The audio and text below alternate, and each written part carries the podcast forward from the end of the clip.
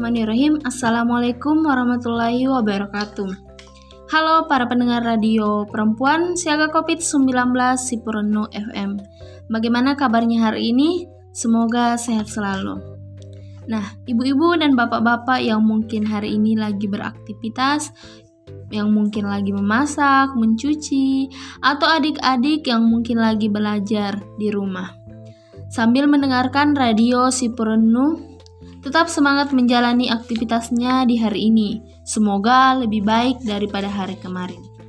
Kembali lagi nih bersama saya Risma pada hari ini dalam acara Agurung SMA. Tapi jangan ke mana-mana dulu, kita dengarkan lagu berikut ini.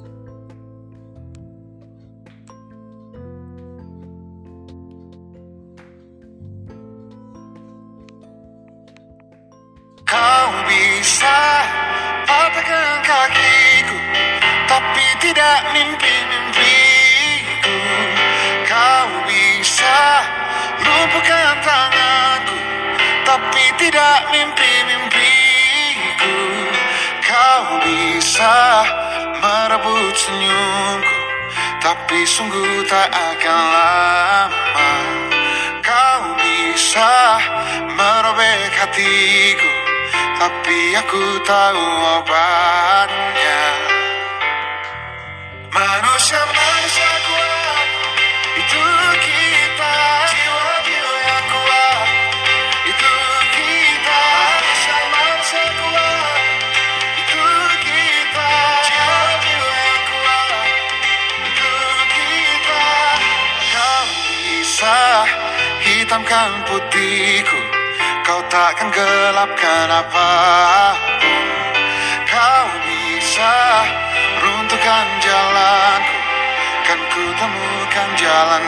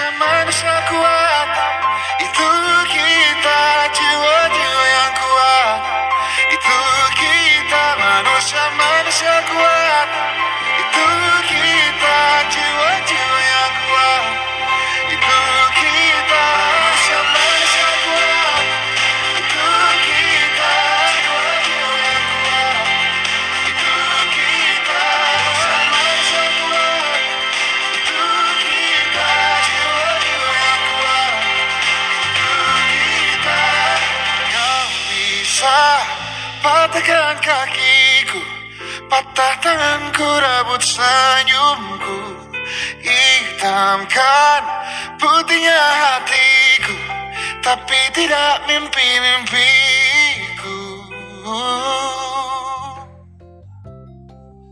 Halo para pendengar radio Sipurno FM, kembali lagi bersama saya Risma dalam acara Agurung SMA.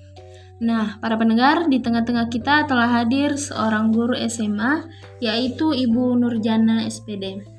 Halo Ibu, bagaimana kabarnya hari ini? Alhamdulillah sehat. Alhamdulillah. Eh, kalau boleh tahu judul materinya dan untuk kelas berapa pada hari ini, Bu? Eh, untuk eh, materi hari ini adalah eh, mata pelajaran biologi tentang sel.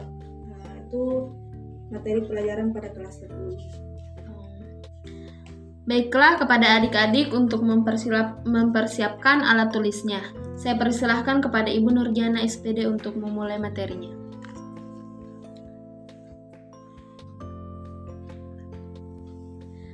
Halo, assalamualaikum warahmatullahi wabarakatuh.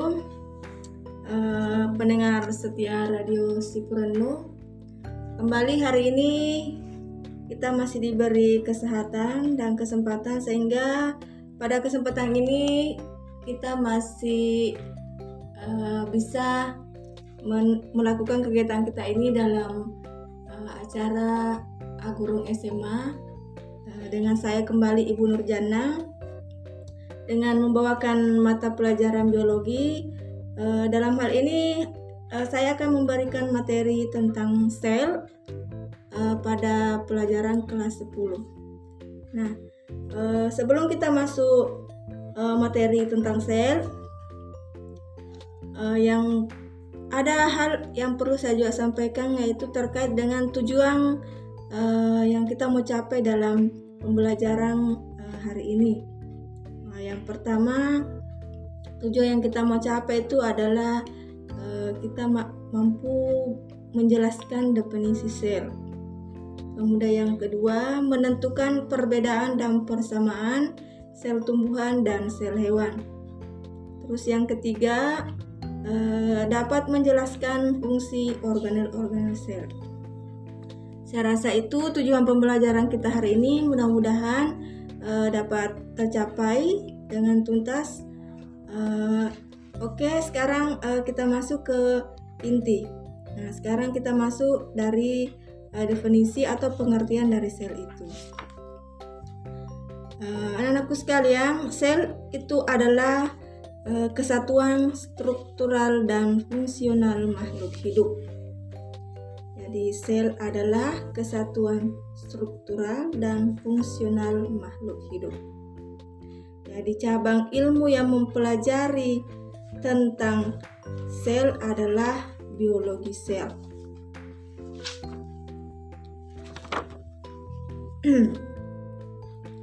Macam-macam sel berdasarkan keadaan inti itu dibedakan dengan uh, beberapa poin ya. Yang pertama adalah sel prokariotik dan sel eukariotik. Sel prokariotik ini memiliki ciri-ciri di antaranya yang pertama tidak memiliki inti sel yang jelas karena tidak memiliki membran inti sel yang dinamakan nukleosid. Kemudian yang kedua, organel-organelnya tidak dibatasi membran. Ketiga, membran sel tersusun atas senyawa peptidoglikon. Kemudian yang keempat, diameter sel antara 1 sampai 10 mm milimikron. Yang selanjutnya mengandung 4 subunit RNA polimerase. Terakhir, susunan kromosomnya sirkuler. Itu beberapa ciri-ciri untuk eh, sel prokariotik. Kemudian ciri-ciri untuk sel eukariotik nah, adalah satu, memiliki inti sel yang dibatasi oleh membran inti dan dinamakan nukleus. Kemudian yang kedua, organel-organelnya dibatasi membran. Ketiga, membran selnya tersusun atas fosfolipid. Yang keempat, diameter selnya antara 10 sampai 100 mm. Mengandung banyak subunit RNA, polimerase, dan yang terakhir susunan kromosomnya linier. Nah, itulah perbedaan ciri-ciri antara sel prokariotik dan sel eukariotik. Jadi ini eh, jenis macam sel berdasarkan keadaan inti ya. Nah, sekarang kita masuk macam sel berdasarkan keadaan kromosom dan fungsinya. Jadi saya ulang. Sekarang kita masuk macam sel berdasarkan keadaan kromosom dan fungsinya. Yang pertama, sel somatis, yang kedua, sel germinal.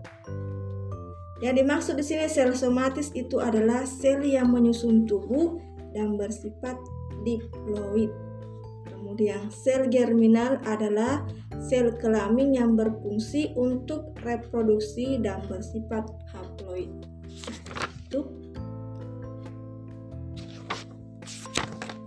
Kemudian Eh, dalam eh, apa secara singkat organisasi sel itu dapat digambarkan sebagai berikut mulai dari sel, jaringan, organ, sistem organ sampai membentuk organisme yang lengkap. Nah, itu sedikit tentang eh, pengertian dari sel, kemudian macam-macam sel. Eh, mungkin seperti itu dulu sebelum kita masuk menentukan perbedaan dan persamaan sel tumbuhan pada eh, sel tumbuhan dan sel hewan. Baiklah pendengar, itulah tadi yang dijelaskan uh, Ibu Nurjana tentang pengertian sel. Terus macam-macam sel berdasarkan keadaan intinya ada dua, yaitu sel prokaryotik dan sel eur eurokaryotik. Lalu macam-macam sel berdasarkan keadaan kromosom dan fungsinya ada dua juga, yaitu somatis dan germinal. Nah, para pendengar jangan ke mana-mana dulu, kita dengarkan lagu berikut ini.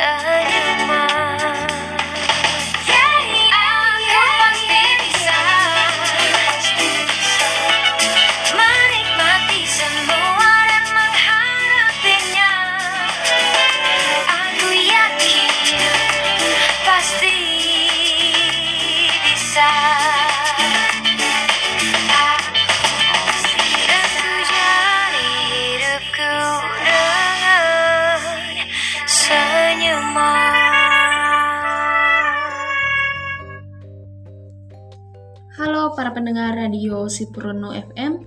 Kembali lagi bersama saya Risma dalam acara Gurung SMA. Nah, para pendengar, saya persilahkan kembali kepada Ibu Nurjana untuk melanjutkan materinya. Ya, kita lanjutkan materi tadi uh, tentang yang menentukan perbedaan dan persamaan sel tumbuhan. Nah, perbedaan sel hewan dan sel tumbuhan kita awali dari uh, sel hewan ya.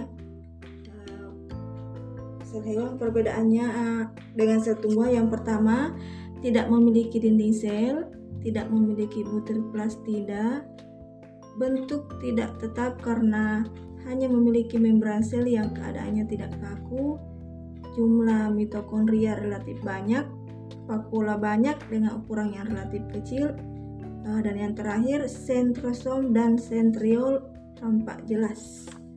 Terus untuk sel tumbuhan perbedaannya yaitu pertama memiliki dinding sel, yang kedua memiliki butir plastida, yang ketiga bentuk tetap karena memiliki dinding sel yang terbuat dari selulosa. Empat jumlah mitokondria relatif sedikit karena fungsinya dibantu oleh butir plastida vakuola sedikit tapi ukurannya besar. Terakhir sentrosom dan sentriol tidak jelas. Itu untuk perbedaan antara sel hewan dan sel tumbuhan. Sekarang kita masuk untuk uh, menjelaskan beberapa fungsi dari organel-organel sel. Organel-organel sel pada tumbuhan dan fungsinya ada beberapa bagian pertama dinding sel atau e, biasa disebut sebagai lapisan pelindung bersifat kaku. Fungsinya adalah meliputi pemberian dukungan, mempertahankan bentuk sel dan mengendalikan pertumbuhan sel. Kemudian yang kedua, membran sel.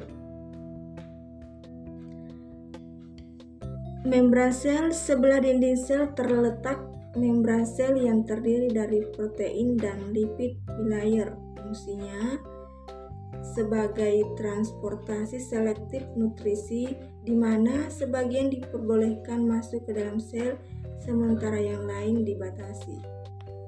Kemudian yang ketiga, vakuola. Vakuola adalah organel yang bentuk dan struktur mengubah sehubungan dengan kebutuhan sel mereka diisi dengan air seperti larutan yang mengandung enzim, molekul organik, dan anorganik.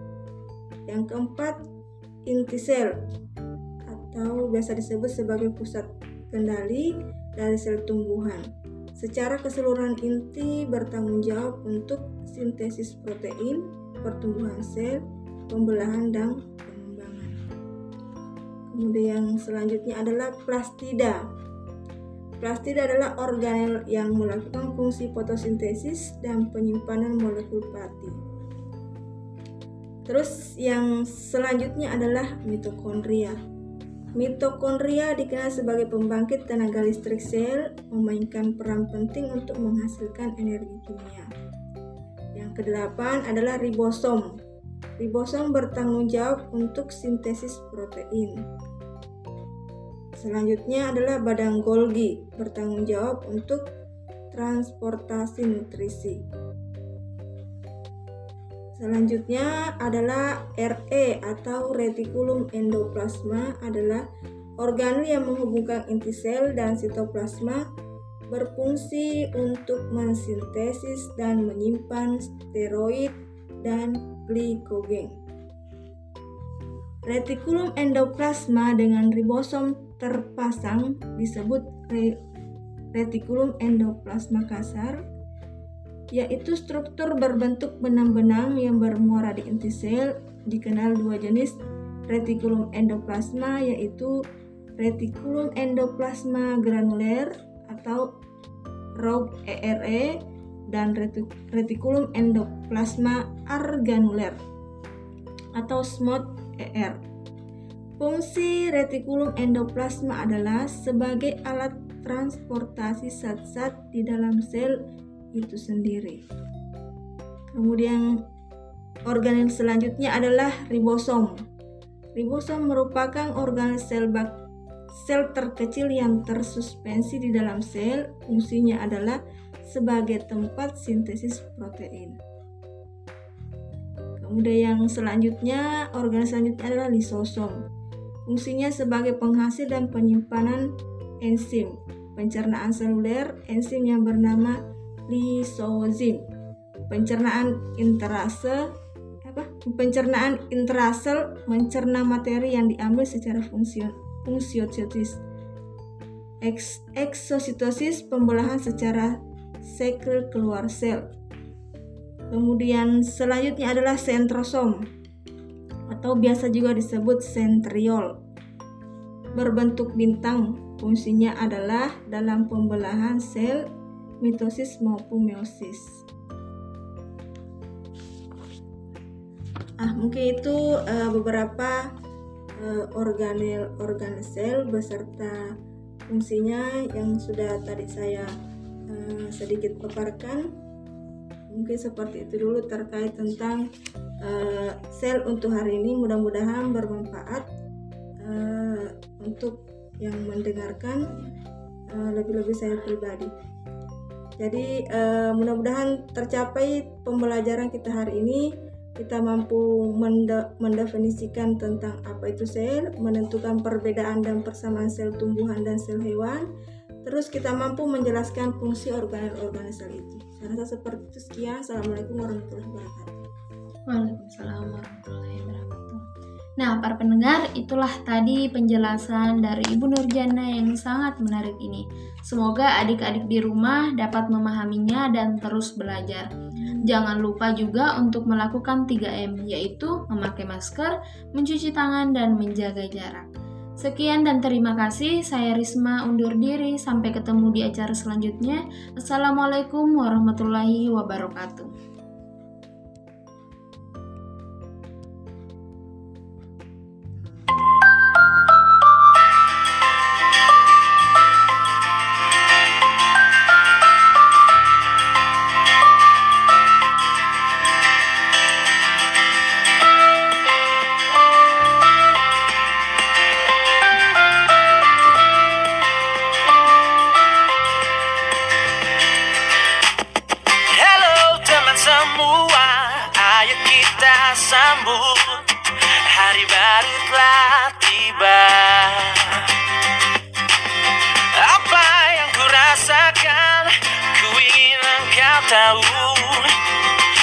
berbagi bersama.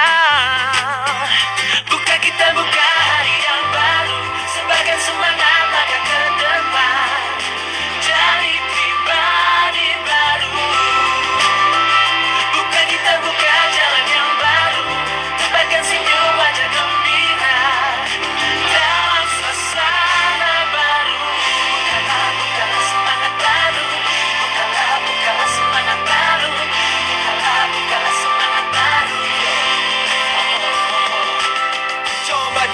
Hanya untuk sejenak. Dengarkan kata dari segala yang ku ucap Ku jelang pagi ini nikmati damai di hati. Dalam waktu penuh arti karena aku dicintai. Ku ingat kemarin suasana tak bersemangat. Namun kini ku jalani dan semua rasanya tepat. Bersama kita coba wujudkan harapan. Membuka jalan dalam gapai setiap tujuan Matahari bersinar selalu.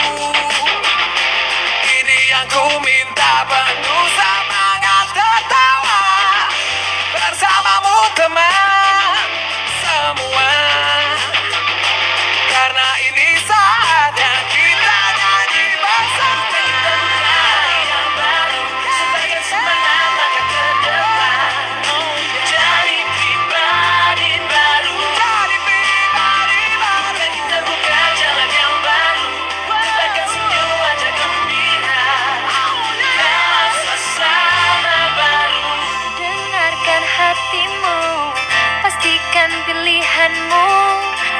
mentari kendata bawa sejuta harapan. Kita jumpa di sana berbagi bersama. Dan kita tahu pelangi yang satukan bukan kita luka hari